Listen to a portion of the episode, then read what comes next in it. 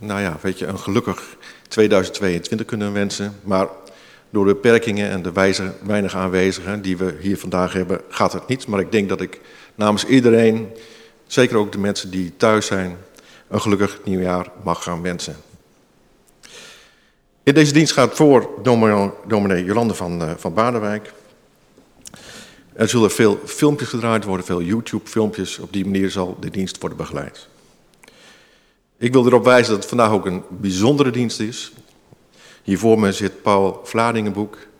Hij is jarenlang ambtsdrager geweest, voorzitter van de kerkenraad. En vandaag nemen wij afscheid van hem in deze rol. Dus ik zou zeggen, blijf vooral ook kijken, want tegen het einde van deze dienst zal daar ook de nodige aandacht aan besteed worden. Ik zou eigenlijk de dienst nu willen starten met u vragen om een moment stilte.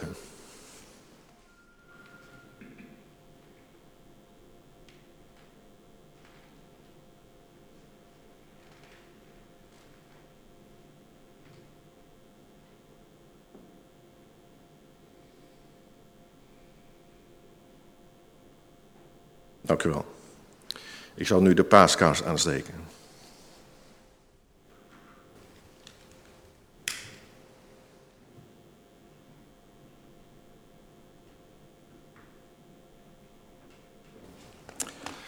Wij starten deze dienst met het aanvangslied en dat is lied 515. Ik wens u een fijne dienst.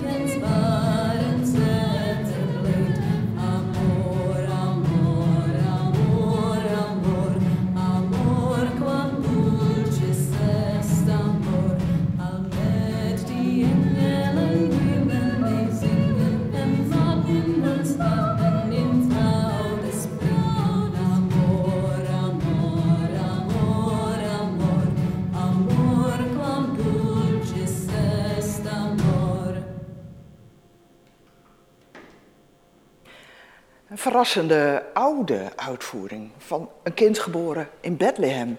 We zijn nog steeds in de kersttijd, want die duurt 12 dagen, van 24 december tot eigenlijk drie koningen, wat we officieel 6 januari vieren. Wij gaan daar vandaag aandacht aan besteden. Maar eerst mag ik u groeten van God op deze eerste zondag van het nieuwe jaar. Heil zegen van onze God, die alles geschapen heeft, hemel en aarde, en ons nooit loslaat. En niemand met wie hij ooit begonnen is. Amen. Zingen de wijzen de wijzen.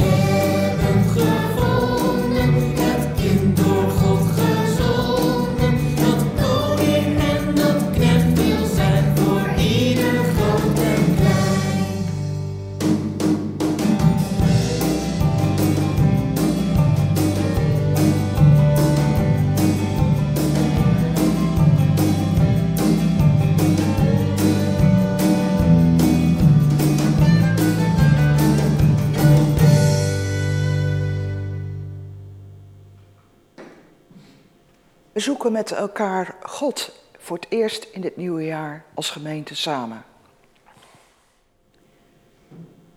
Vader, goede God, u bracht ons hier samen. Via livestream, beeld, geluid, in deze ruimte in de kapel. We roepen u hier aan omdat wij na alle voorbereiding voor deze dienst en alle dagen die we achter de rug hebben rond kerst en oudejaarsavond, nieuwjaarsdag, graag als gemeente u willen aanroepen en zeggen: Kom bij ons, Heer. Wij kunnen niet zonder u, wij kunnen geen stap zetten in het leven, niet in de toekomst, zonder u. Kunnen wel denken dat wij zelf de blaadjes van de kalender omslaan en zomaar weer een nieuw jaar instappen. Maar we tasten zonder u in het duister.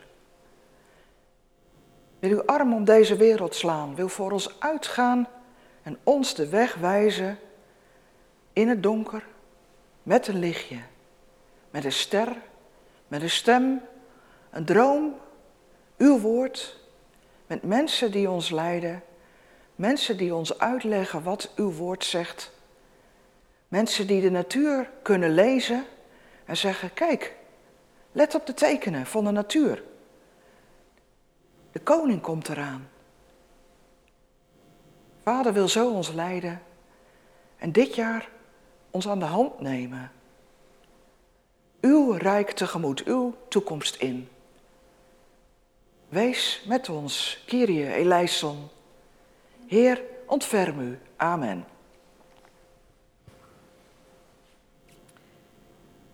We zingen een uh, glorielied en dat is het lied Hosanna. En dat zingen we mee met een, ja, buitenopname. Hè, dat zul je zien uit betere tijden, dat we weer lekker buiten kunnen kamperen en van alles aan uh, leuke dingen buiten doen. Misschien wel weer een mooi startweekend straks hebben. We gaan eens hier naar kijken.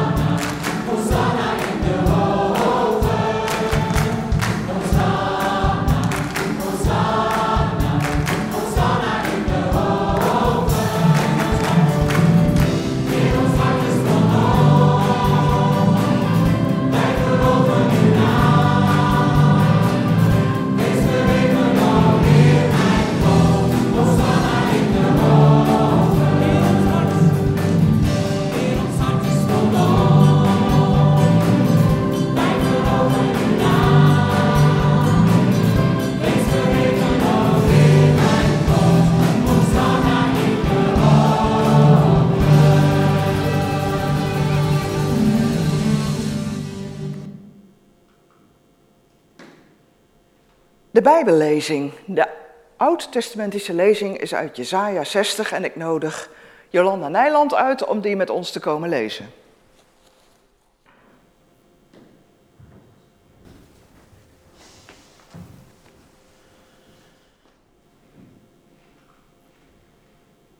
Sta op en schitter, je licht is gekomen. Over jou schijnt de luister van de Heer. Duisternis bedekt de aarde en donkerte de naties. Maar over jou schijnt de Heer. Zijn luister is boven jou zichtbaar. Volken laten zich leiden door jouw licht. Koningen door de glans van je schijnsel. Open je ogen. Kijk om je heen. Ze stromen in drommen naar je toe. Je zonen komen van ver. Je dochters worden op de heup gedragen. Je zult stralen van vreugde als je het ziet. Je hart zal van blijdschap overslaan. De schatten van de zee zullen je toevallen. De rijkdom van vreemde volken valt je in de schoot.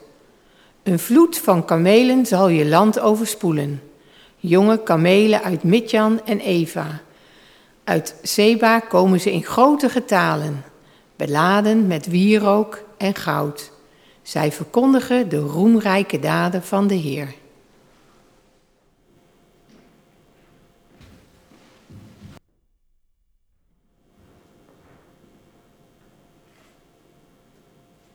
Nieuwe Testament lezen we de lezing van Matthäus 2. De eerste twaalf versen lees ik, en dat zult u wel zien, begeleid met een filmpje van de zandtovenaar. En daarna lezen we door de rest van het hoofdstuk. Toen Jezus geboren was in Bethlehem in Judea, tijdens de regering van koning Herodes, kwamen er wijzen uit het oosten.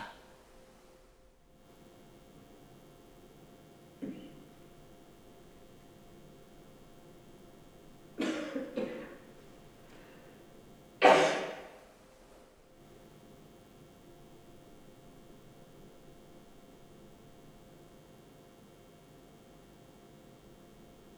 zien dat de wijzen een heel heldere ster zien stralen en met elkaar overleggen, wat doen we?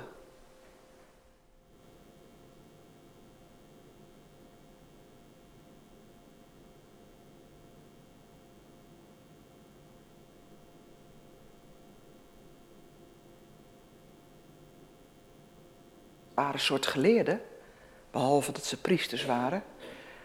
En hier gaan ze berekeningen maken. Wat betekent die ster? Hoe lang schijnt die al? Waar wijst die naartoe?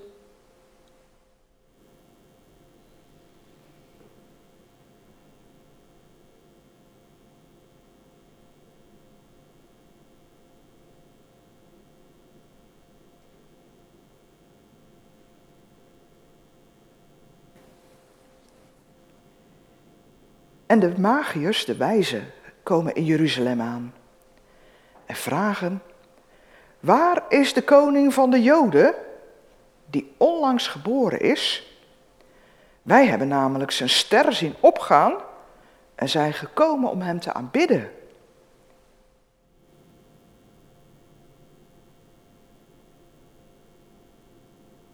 Koning Herodes schrok enorm toen hij dit hoorde en heel Jeruzalem met hem. En Herodes riep alle hoge priesters en schriftgeleerden van het volk samen. Allemaal moesten ze in zijn paleis komen.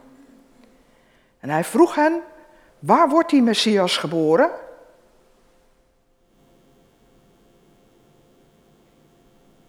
In Bethlehem, in Judea, zeiden de schriftgeleerden tegen Herodes. Want zo staat geschreven bij de profeet, en dat is Micha. Jij, Bethlehem, in het land van Juda, bent zeker niet de minste onder de leiders van Juda. Want uit jou komt een leider voort die mijn volk Israël zal hoeden.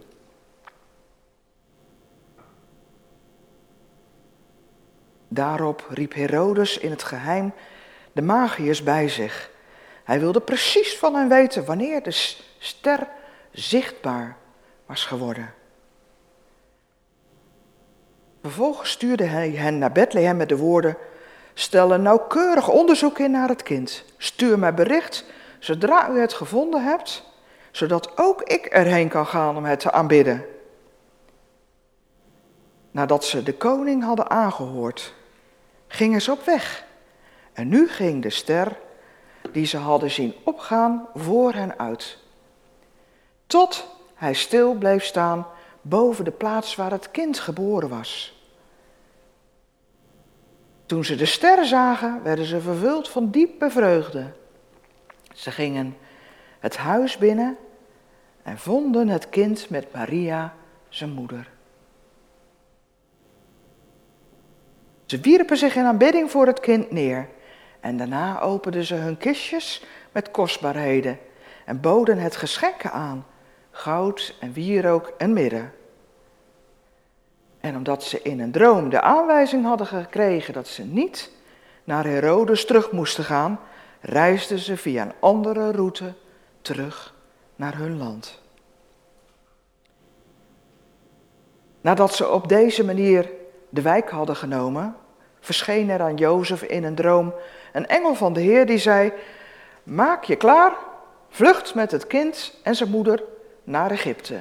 Blijf daar tot ik je weer roep, want Herodes is naar het kind op zoek en wil het ombrengen. Jozef stond op en week nog diezelfde nacht met het kind en zijn moeder uit naar Egypte. Daar bleef hij tot de dood van Herodes. Zo ging in vervulling wat bij monden van de profeet door de Heer is gezegd, de profeet Hosea, uit Egypte heb ik mijn zoon geroepen. Toen Herodes begreep dat hij door de magiërs misleid was, werd hij verschrikkelijk kwaad. En afgaand op het tijdstip dat hij van de magiërs had gehoord, gaf hij opdracht om in Bethlehem en wijde omgeving alle jongetjes van twee jaar en jonger om te brengen. Zo ging in vervulling wat gezegd is door de profeet Jeremia. Er klonk in Rama een stem, luid wenend en klagend. Rachel huilt over haar kinderen en wil niet worden getroost, want ze zijn er niet meer. Nadat Herodes gestorven was, verscheen er in een droom aan Jozef in Egypte een engel van de Heer. De engel zei: Sta op, ga met het kind en zijn moeder terug naar Israël. Want zij die het kind om het leven wilden brengen, zijn gestorven. Jozef stond op en vertrok met het kind en zijn moeder naar Israël. Maar toen hij daar hoorde dat Archelaus, zijn vader Herodes, was opgevolgd als koning over Judea, durfde hij niet verder te reizen. Na aanwijzingen in een droom week hij uit naar Galilea. Hij ging wonen in de stad Nazareth. En zo ging in vervulling wat gezegd is door de profeten. Hij zal Nazoreër genoemd worden. We zingen mee met het lied Nu daagt het in het oosten.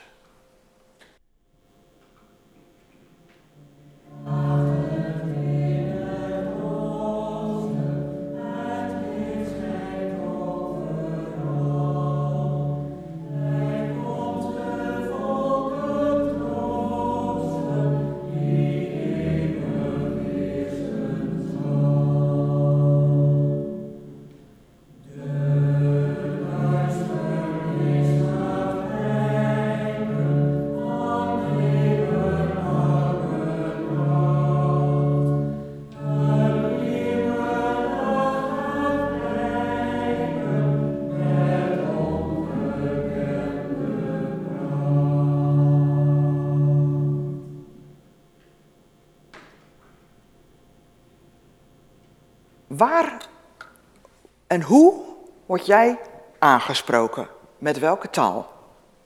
Word je het meest aangesproken door cijfers, grafieken? Of door beelden, plaatjes? Of door de natuur? Of misschien door lichaamstaal? Of door woorden, letterlijk taal? Poëzie bijvoorbeeld? Wat is jouw taal? God heeft ons allemaal helemaal verschillend gemaakt. Prachtig. Er zijn dus ook heel veel verschillende talen waarin we aangesproken kunnen worden. Ieder op zijn eigen manier. Door God of door elkaar. In het verhaal wat we lazen komen wetenschappers met gevoel voor poëzie en symboliek op bezoek bij Jezus. Ze worden magiërs genoemd. Uh, dat wordt met wijzen vertaald, maar je kunt het ook met tovenaars vertalen of met sterrenwichelaars, astrologen.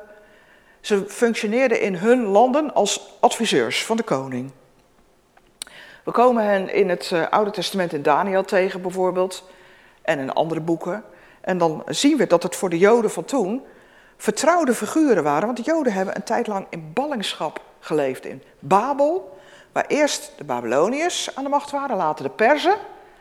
Daniel beschrijft dus ook zulke adviseurs van de koningen. Voor Jozef en Maria waren dat verhalen van vroeger. Daar komt zo'n stel buitenlanders. En in het Hebreeuws is dat goyim. Goyim is verbasterd in het eh, Amsterdamse bargoens tot Gaius. Het Gaius. Zeggen we dat ook niet soms over buitenlanders? Gaius, uitschot, gelukzoekers. Maar de Goyim, de heidenen, dat zijn de mensen die anders door God aangesproken worden, zou je kunnen zeggen. En in dit geval door de natuur. En ze waren zeker geen uitschot in de zin van dat ze in de goot lagen, want het waren geleerden met dure cadeaus. Of ze nou zelf rijk waren of die van hun koningen meegekregen hadden, weten we niet. En als die ster boven Bethlehem blijft staan, dan zijn ze misschien al wel maanden of een jaar onderweg. Want die ster is natuurlijk opgegaan. En toen zijn ze gaan puzzelen. Wat betekent dat? Toen zijn ze gaan route plannen.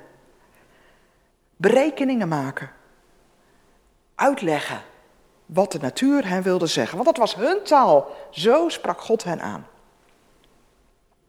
Uiteindelijk gaan die geleerden, de rabbijnen in Jeruzalem, Jeruzalem zelfs voor. Terwijl Jeruzalem, Bethlehem, steenworp afstand. Deze magiërs hadden er dus een enorme reis voor over. En planning van wel een jaar of twee jaar van een leven om die koning te vinden. En ze kwamen in Bethlehem via de officiële route, het via punt Jeruzalem, het paleis. En ze kwamen bij Herodes, die de bijnaam had de gek, de waanzinnige.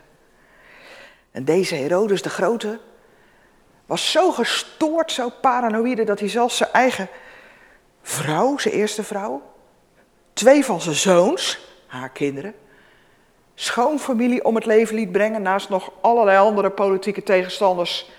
Hij voelde altijd de adem in zijn nek dat iemand hem zou van de troon stoten. Dat hij een aanslag op zijn leven zou verduren. Van die magiërs weten we heel weinig, van Herodes weten we wel veel. Of die magiërs namen hadden, geen idee. Waar ze nou precies vandaan kwamen. Mede, Perzen. Of ze elkaar onderling kenden, hoeveel het er waren. Drie, twee, vier, vijf, meer. Geen idee. Het enige duidelijk wordt uit het verhaal is dat ze open stonden voor hogere goddelijke leiding. En dat ze die taal van die natuur, van die sterren zo serieus namen, dat ze er dus voor op stap gingen. Dat ze Gods stem ook herkende toen hij in een droom tot hen sprak. Want als ze in Jeruzalem zijn geweest, krijgen ze een droom, los van elkaar blijkbaar, waarin ze gewaarschuwd worden niet via Jeruzalem en het paleis van Herodes terug te gaan. En dan laten ze zien hoe wijs ze werkelijk zijn. Want ze herkennen niet alleen Gods stem, ze luisteren ook, ze gaan niet terug via Herodes. En dat is de redding van het kindje. De ster is voor hen een soort oproep geweest, een wake-up call in hun cultuur. Ook nu, vandaag hoor je wel eens dat eh, van buitenlanders, van asielzoekers, dat ze in hun cultuur iets ervaren als de stem van God. Dat sommigen zelfs dromen krijgen waarin iemand die eruit ziet als Jezus hen toespreekt. En als ze dan later met de Bijbel in aanraking komen, herkennen: hé, hey, die hebben we in een droom al gezien. Zo kan God ons bereiken. In Jesaja werd trouwens al de Persische koning Kores een gezalfde genoemd, een Messias hè, in het Hebreeuws. Iemand die een speciale opdracht van God had, namelijk hij werd de koning die Israël terug naar huis liet gaan. Die de Joden in ballingschap zei, je moet weer naar Jeruzalem gaan, je moet die tempel herbouwen. Hier is al het gouden en zilveren tempelgerij, hè, alle bekers, eh, het altaar, alle mooie dingen uit de tempel. Hier heb je het weer terug. Mijn voorganger Nebukadnezar had het wel gejat uit jullie tempel, maar hier is het terug. Breng het naar huis, bouw die tempel weer op. Een Messias wordt hij genoemd, deze buitenlandse koning. En in de middeleeuwse katholieke traditie worden de wijzen, de magiërs, ook koningen genoemd. Hè? Drie koningen zeggen we dus over de feestdag op 6 januari. En daar krijgen in die traditie die koningen zelfs namen. Caspar, Melchior, Balthazar. Drie. Dat is een soort inkleuring van het verhaal. Er wordt zelfs gezegd dat ze uit drie continenten kwamen. Caspar zou dan zwart zijn geweest, die kwam uit Afrika. Melchior, Europeaan. Balthazar, een Aziat. Drie continenten en dat was in die tijd de hele bekende wereld rondom Israël. De hele wereld ligt aan Jezus' voeten, wil die traditie zeggen. Even nog over Caspar. Als we dan denken aan een Afrikaan die bij Jezus op bezoek komt, dan moet ik toch heel even denken aan een wijze uit deze tijd die we afgelopen tweede kerstdag zijn gaan missen. Hè? Op 89, nee, 90-jarige leeftijd is overleden aartsbisschop Tutu. We gaan hem even bekijken en beluisteren.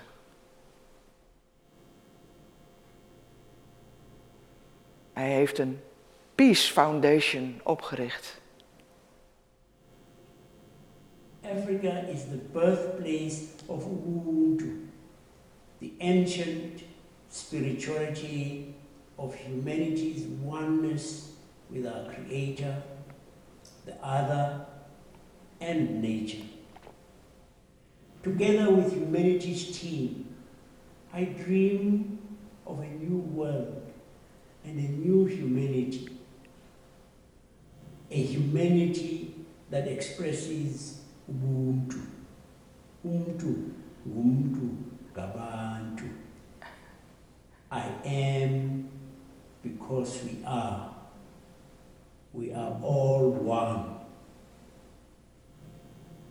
I encourage you to remember the magic of who you are. Live to your highest potential and see the potential in others. To celebrate the wonder of our diversity and most importantly, to go and be who you are. This is our common legacy. Dit is mijn erfenis, zegt hij eigenlijk. Ubuntu. Ik kan natuurlijk die taal niet, maar betekent ik ben omdat wij zijn. Wij zijn met z'n allen één, verbonden met elkaar en de schepping, zo noemt hij dat. En hij droomt van een regenboogland waarin dat Ubuntu, een soort vrede, hè, eh, de Bijbel zou ze shalom zeggen, tot uitdrukking komt. Dat prachtig, de droom van bischop Tutu. Hij heeft op zijn manier gevochten voor uh, een vrij Afrika voor alle kleuren en rassen. Uh, aan de kant van Mandela gestaan, maar ook Mandela wel kritisch tot de orde geroepen. Want als iemand eenmaal de macht heeft, dan is de macht ook heel verleidelijk. Een wijze uit deze tijd noemde ik hem net, misschien een soort Kaspar, die bij Jezus komt. De hele wereld kwam zoals hij was, in dit verhaal Jezus eren. En zij lezen dus uit de natuur af wat de rabbies, de schriftgeleerden, uit het Oude Testament hadden kunnen lezen. Dat er een nieuwe wereld door die oude heen aan het breken is. En dan zeggen ze, zijn sterren is reizend. En ze brengen hun cadeaus, goud, wierook, mirre. Hoe moet je je hele rijk, je hele rijkdom, je, al jouw, alles wat je weet en hebt en, en bent, aan Jezus geven, wijden. Het past uiteindelijk in drie kistjes, want ze hadden een lange reis ervoor moeten maken. En misschien zegt Melchior wel, het is nog beter wat u brengt in deze wereld, uw vrede, dan de Pax Romana. Ja, dat was ook maar een gewapende vrede, een afgedwongen vrede. En misschien zegt Caspar wel, het is nog beter dan Ubuntu. Uw vrede gaat boven alles uit. Blijf mensenwerk. Hoe doe je dat? Alles voor Jezus neerleggen. En dat mooie moment, dat krijgt zulke dramatische gevolgen. Hè? Want Herodes de gek komt erachter natuurlijk dat die wijzen niet naar hem geluisterd hebben, niet terugkeren naar zijn paleis, andere weg genomen hebben. Hij gaat op zijn vingers uitrekenen als die ster een jaar lang heeft geschenen. Ze hebben een uh, half jaar gereisd. Nou, anderhalf, weet je wat, ik rond de taf naar boven. Alle jongetjes onder de twee in Bethlehem en omstreken om zeep. Jezus in levensgevaar, maar op tijd gered door een droom van Jozef. Ik weet nog dat mijn moeder, als ik dit verhaal thuis aan tafel hoorde voorlezen, dat door haar het geen jaar droog hield. Elke keer als dit verhaal aan de beurt was, dan hielden mijn broertje en ik ons hand vast, hart vast, want oh, dan gaat mama weer janken. Dit verhaal dat raakte haar zo diep. Het is een verhaal wat voor moeders verschrikkelijk is, hartverscheurend. Je kindje wat je twee jaar lang hebt gevoed, moeten zien sterven. Ik snap het nu wel. En dan wijkt het heilige gezin, het, het gezin van Jezus uit naar Egypte. Waar nota bene ook zoveel moord is plaatsgevonden op pasgeboren jongetjes. Egypte, waar de farao, die Jozef niet meer kende, een gevaar zag in dat Joodse slavenvolk wat steeds maar groter werd. En ook maar voor de zekerheid zei, laat al die pasgeboren jongetjes maar om zeep helpen. Eerst door die vroedvrouwen, laat ze maar bij de geboorte omkomen. Die vroedvrouwen luisterden niet. En toen verzuip ze in de Nijl. Mozes op het nippertje gered in een biezenmandje. Zo wordt Jezus daar gered in dat land waar eerst zoveel landgenoten, volksgenoten van hem zijn omgebracht. En ze kunnen niet terug naar Judea. Jozef wordt tot twee keer toe in een droom gewaarschuwd.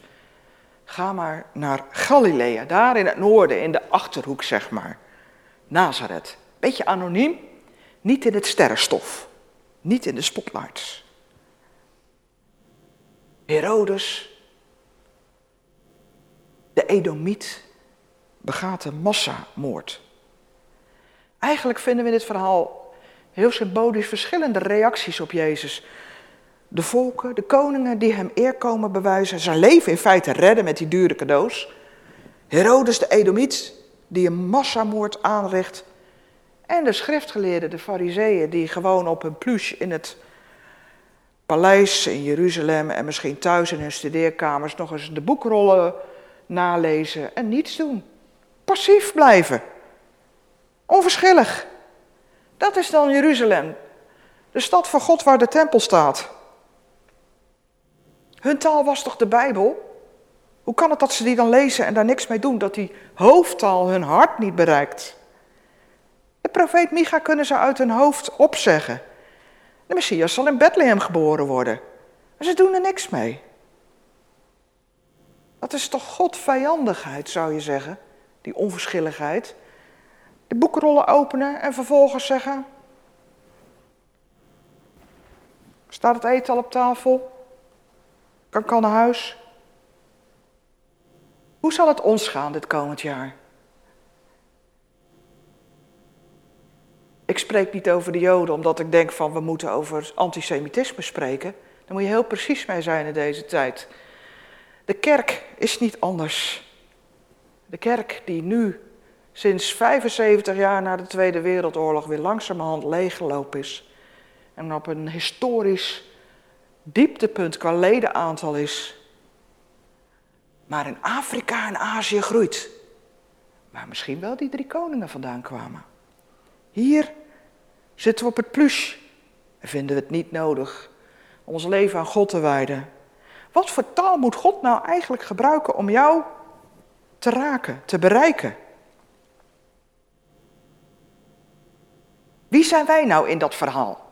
Zijn wij als die koningen, die wijzen, dat gaaiers, die buitenlanders? Zijn we als de schriftgeleerden die alles van de Bijbel weten? Of zijn we als Herodes, dat we ons bedreigd voelen in wat we hebben en zijn. Zijn wij vriend of vijand van God? Dat is eigenlijk de vraag. Misschien zal God wel buitenlanders gebruiken om ons aan te komen spreken. Om ons door die harde schil van ons hart heen te bereiken. Kijk uit wat je zegt over buitenlanders. Zij brachten wel het beste van hun cultuur en zichzelf, twee jaar van hun leven, naar Jezus. Met die redding uit Egypte begon Jezus aan zijn kinderjaren, zijn jeugd, in Nazareth. Net ontsnapt aan de dood. En zo zou Jezus leven getekend zijn, van de start af, door bedreiging van zijn leven. Net als ooit Israëls volksbestaan als een kind dat leert lopen, dat toch mag leven, opgroeien. En in dit verhaal van Matthäus laat hij het Oude Testament steeds weer meeklinken om de Joden van zijn tijd aan te spreken. Dit staat in jullie boek, in de Tanach, het Oude Testament zoals wij het noemen. Micha, Jeremia, Hosea, al die teksten zeggen hetzelfde. De Messias komt, als een klein kind wordt hij geboren in Bethlehem. En hij zal groot worden, zoon van de Allerhoogste genoemd worden. Aards Jeruzalem faalde en daarom kijkt Johannes in het boek Openbaring naar een hemels Jeruzalem uit. Een Jeruzalem dat zo van God naar de mensen afdaalt.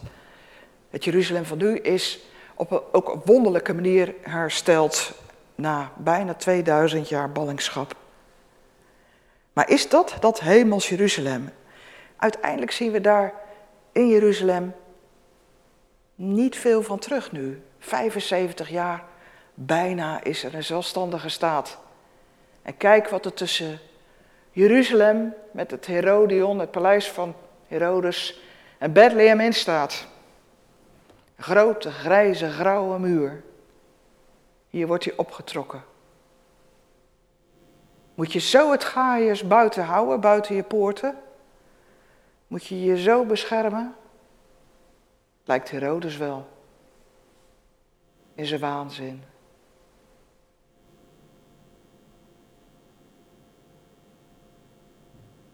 Is dat nou de tempel, stad, de stad van God, Jeruzalem? Zo'n grote grijze grauwe muur eromheen. Merry Christmas from Bethlehem. Een ghetto. Bethlehem. Een ghetto. Bang voor bommen? Gooi met bloemen.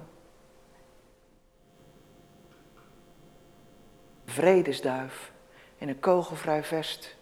Het olijftakje in zijn snavel. Dit zijn allemaal schilderingen van Banksy, die hij in Bethlehem op die muur heeft aangebracht. Humanity, zei bischop Tutu. Ubuntu. Menselijkheid moeten wij bouwen, geen muren.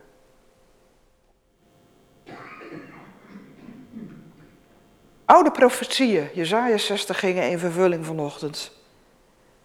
Er zijn ook profetieën die nog steeds uitstaan, die nog in vervulling moeten gaan. En daar hoort dat hemels Jeruzalem bij, zonder, zonder muren. En daarom dromen we als erflaters van Bisschop Tutu van dat aards regenboogland, waar vredig samenleven is voor alle volken en rassen. Ubuntu, harmonie, samenwerken van volken uit verschillende rassen, kleuren, Amen.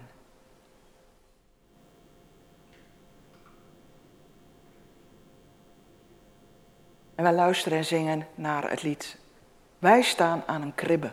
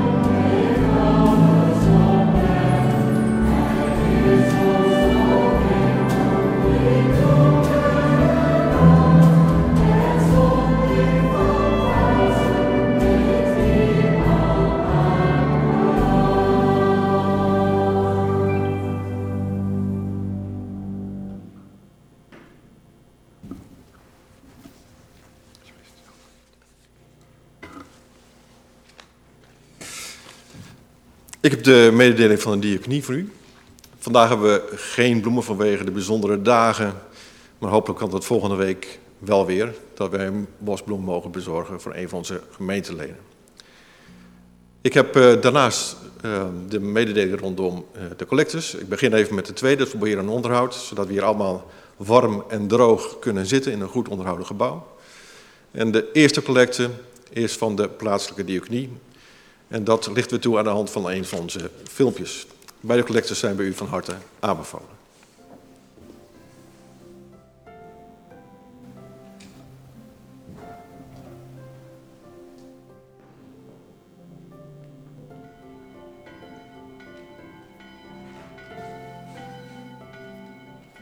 De diaconie in Duiven staat midden in het leven, van begin tot het eind.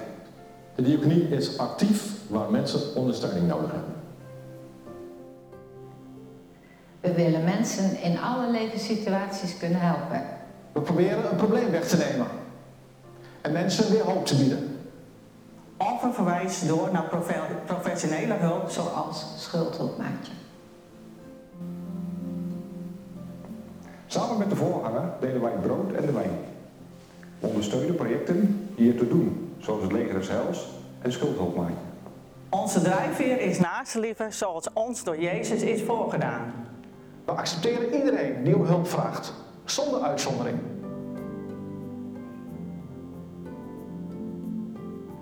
De diaconie heeft contact met mensen en staat dicht bij mensen. Zowel binnen als buiten de grenzen van Duiven. Als ook ver weg, zoals met ZWO. Geef me nu hart, zodat de diaconie deze mooie taak kan blijven doen.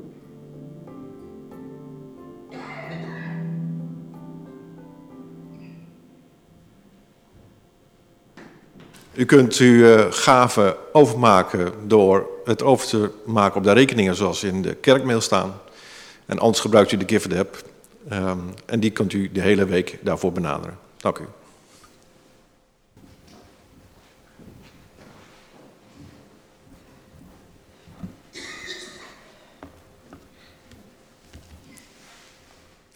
Ja, wij zongen net, we staan aan een kribbe, maar we staan eigenlijk ook aan het begin van een nieuw jaar. En we hebben de hoop op vervulling van alles wat God beloofd heeft. En daarom wijs ik toch eventjes nog op deze koepel in de kapel. Is die ook goed in beeld? De koepel is hier van goud en daar zie je het lam. lam doorstoken. En om het nieuwe jaar en onze beloften goed in te gaan, lees ik uit de Openbaring 5. Toen zag ik dit, zei Johannes. Degene die op de troon zat, God, had in zijn rechterhand een boekrol aan beide kanten beschreven en met zeven zegels verzegeld. En ik zag een machtige engel die met luide stem riep: Wie komt er toe de zegels te verbreken en de boekrol te openen? Er was niemand in de hemel of op aarde of onder de aarde die die boekrol kon openen en inzien. Het deed me veel verdriet, zei Johannes, dat niemand het verdiende om de boekrol te openen. Toen zei een van de oudsten tegen mij: Wees niet verdrietig, want de leeuw uit de stam Juda, de telg van David, heeft de overwinning behaald. En daarom mag hij de boekrol met de zeven zegels openen. En midden voor de troon, tussen de vier wezens. En de oudste zag ik een lam staan. Het zag eruit alsof het geslacht was. En had zeven horens en zeven ogen. Dat zijn de zeven geesten van God, die over de hele wereld zijn uitgestuurd. Het lam ging naar degene die op de troon zat en ontving de boekrol uit zijn rechterhand. En op dat moment wierpen de vier wezens en 24 oudsten zich voor het lam neer. Ieder van hen had een lier. Voor mij is dat een gitaar. En gouden schalen vol wierook, de gebeden van de heiligen. En ze zetten een nieuw lied in. U verdient het de boekrol te ontvangen en de zegels te verbreken. Want u bent geslacht en met uw bloed hebt u voor God mensen gekocht uit alle landen en volken, van elke stam en taal. U hebt voor onze God uit hen een koninkrijk gevormd en hen tot priesters gemaakt. Zij zullen als koningen heersen op aarde, als wijze koningen. Zo mogen wij met Israël dit nieuwe jaar ingaan. Hè? De 24 oudsten, de 12 stammen van Israël, de 12 apostelen. Dat zijn wij. Samen, Oude en Nieuw Testament, mogen we groeien in Jezus. De leeuw die een lam werd. En samen met die wijzen mogen wij uit elke stam, natie, taal, ras, kleur voor Gods troon staan en dat nieuwe lied zingen. Staan we daar onverschillig en passief of komen we dit jaar in de benen? Nou, laten we daar ook maar voor bidden als wij onszelf voor God brengen, dat wij door God inspiratie vinden, leiding, om dit jaar te weten hoe wij God zullen aanbidden. Hoe wij Hem kunnen dienen en in de benen komen.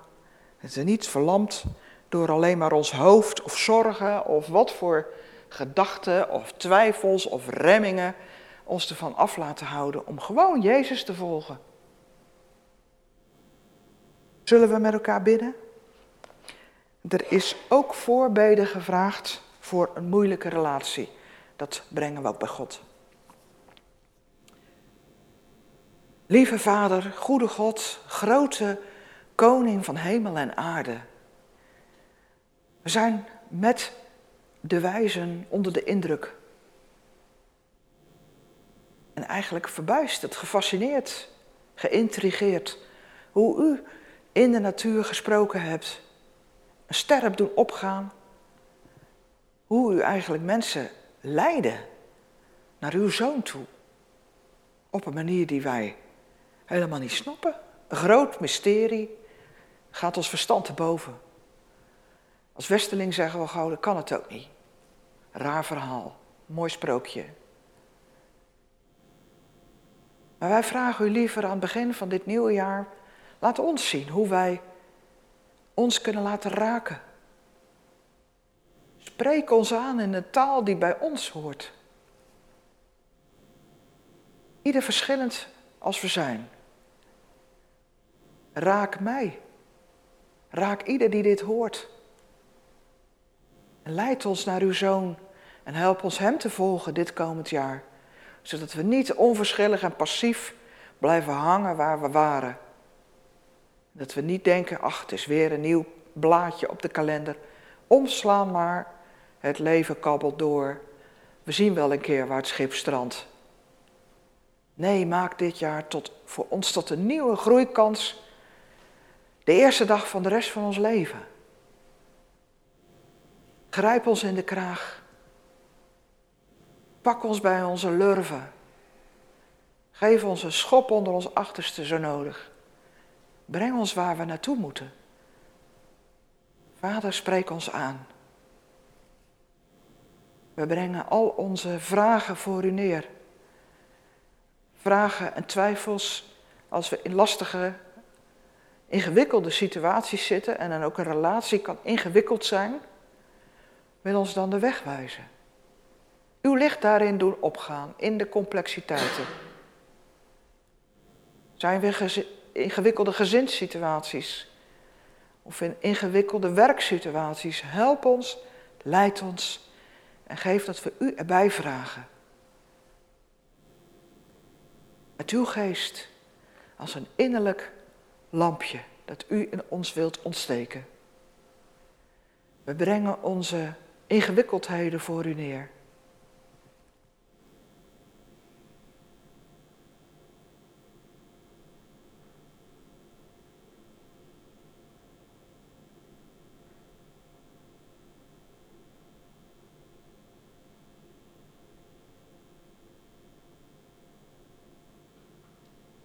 En om het ook simpel te houden, bidden we maar gewoon het gebed dat uw zoon ons leerde. Onze Vader die in de hemel zijt, uw naam worden geheiligd, uw koninkrijk komen, uw wil geschieden, op aarde zoals in de hemel. Geef ons heden ons dagelijks brood. Vergeef ons onze schulden, zoals ook wij onze schuldenaars vergeven. Leid ons niet in verzoeking, maar verlos ons van de boze. Want van u is het koninkrijk en de kracht en de heerlijkheid in eeuwigheid. Amen.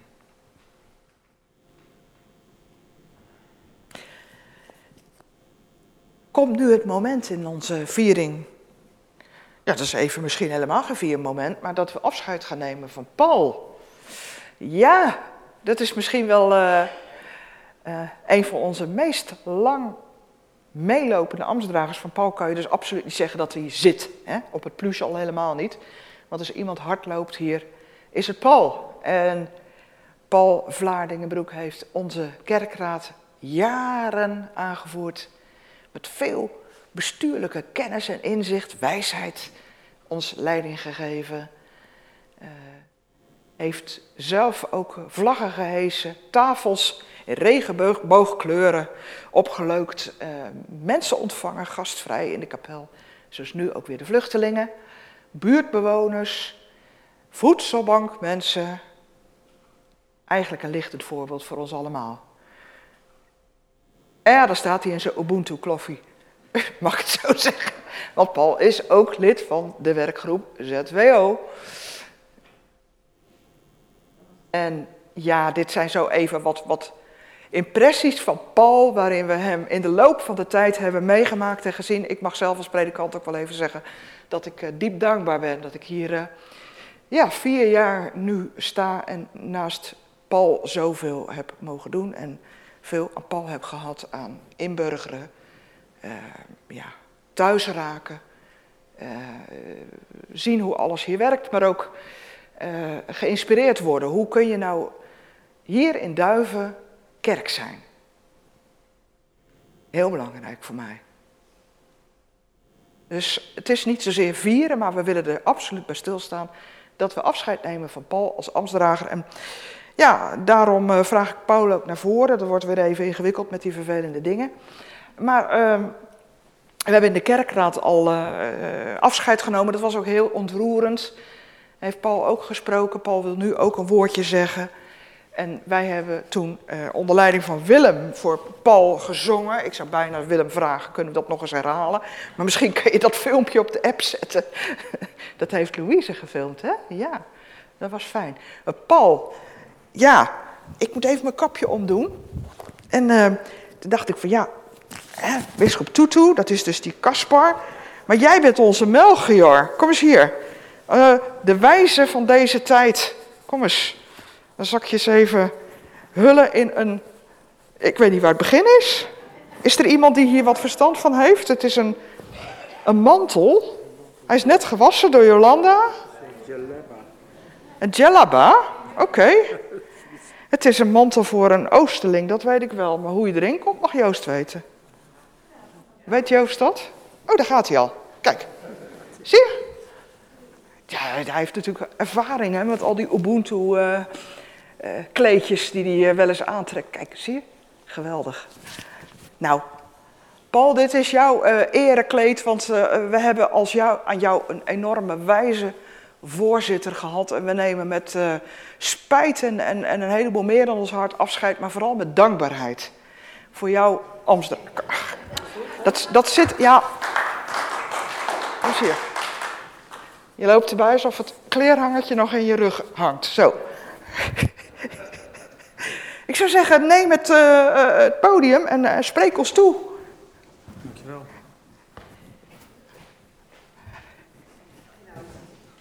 Dan ben ik mijn briefje ben ik even kwijt.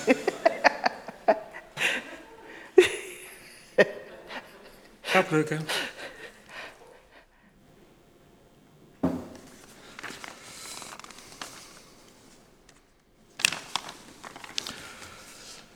Ja, twaalf jaar. Wat, uh, wat, wat, wat, kan ik erover zeggen? Uh, Jolanda heeft net al uh, een heel stuk laten zien aan, aan, de hand van foto's en voorbeelden. Maar Jolanda zei net ook al van, wat voor taal heeft God nodig om ons te bereiken? Nou, we hebben de Bijbel, we hebben ons hart, we hebben elkaar. En de profeet Micha die zegt het al, Doe recht, doe goed en wandel met God. Zoek met God en elkaar de dialoog, het goede. Geef aandacht voor het vele goede dat we ontvangen hebben en wees daar dankbaar voor. Schenk aandacht aan alles wat waar is. alles wat rechtvaardig is, alles wat lieflijk is en alles wat eervol is. Schenk aandacht aan vluchtelingen. Aandacht voor het goede helpt je om naar onze geloofsgemeenschap te kijken in een heel positief licht. Het gesprek van de een met de ander, van jou en van mij, dat doet daartoe. Ieder mens doet daartoe. En vertel elkaar verhalen. Ieder mens, ieder mens is een parel in Gods hand. Individu en gemeenschap mogen naar beide zijn en we hebben elkaar nodig. En werken aan een droom, dat geeft energie. De afgelopen jaren heb ik mogen werken met een hele fijne groep mensen. Hier in Duiven en waar dan ook. En daar ben ik dankbaar voor. Het is geen afscheid, we gaan gewoon verder op een andere manier. Maar wij zijn samen op weg. En dat gaan we zo zingen. Samen op weg, onderweg. Het gaat jullie goed. Ja, mooi gesproken.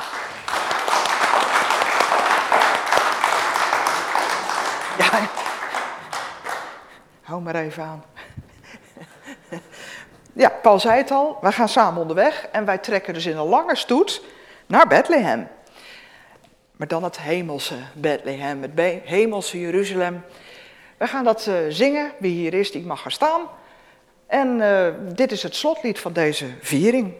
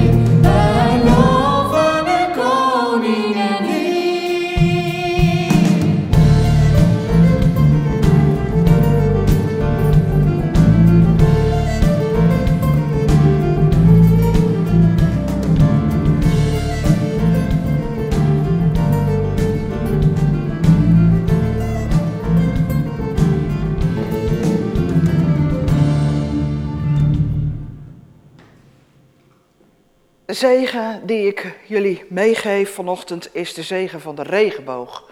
En dat is ja, een, een hele mooie eh, zegen die ik niet bedacht heb, maar die eh, Willem ook pas weer gebruikt heeft in de viering van de regenboogmens.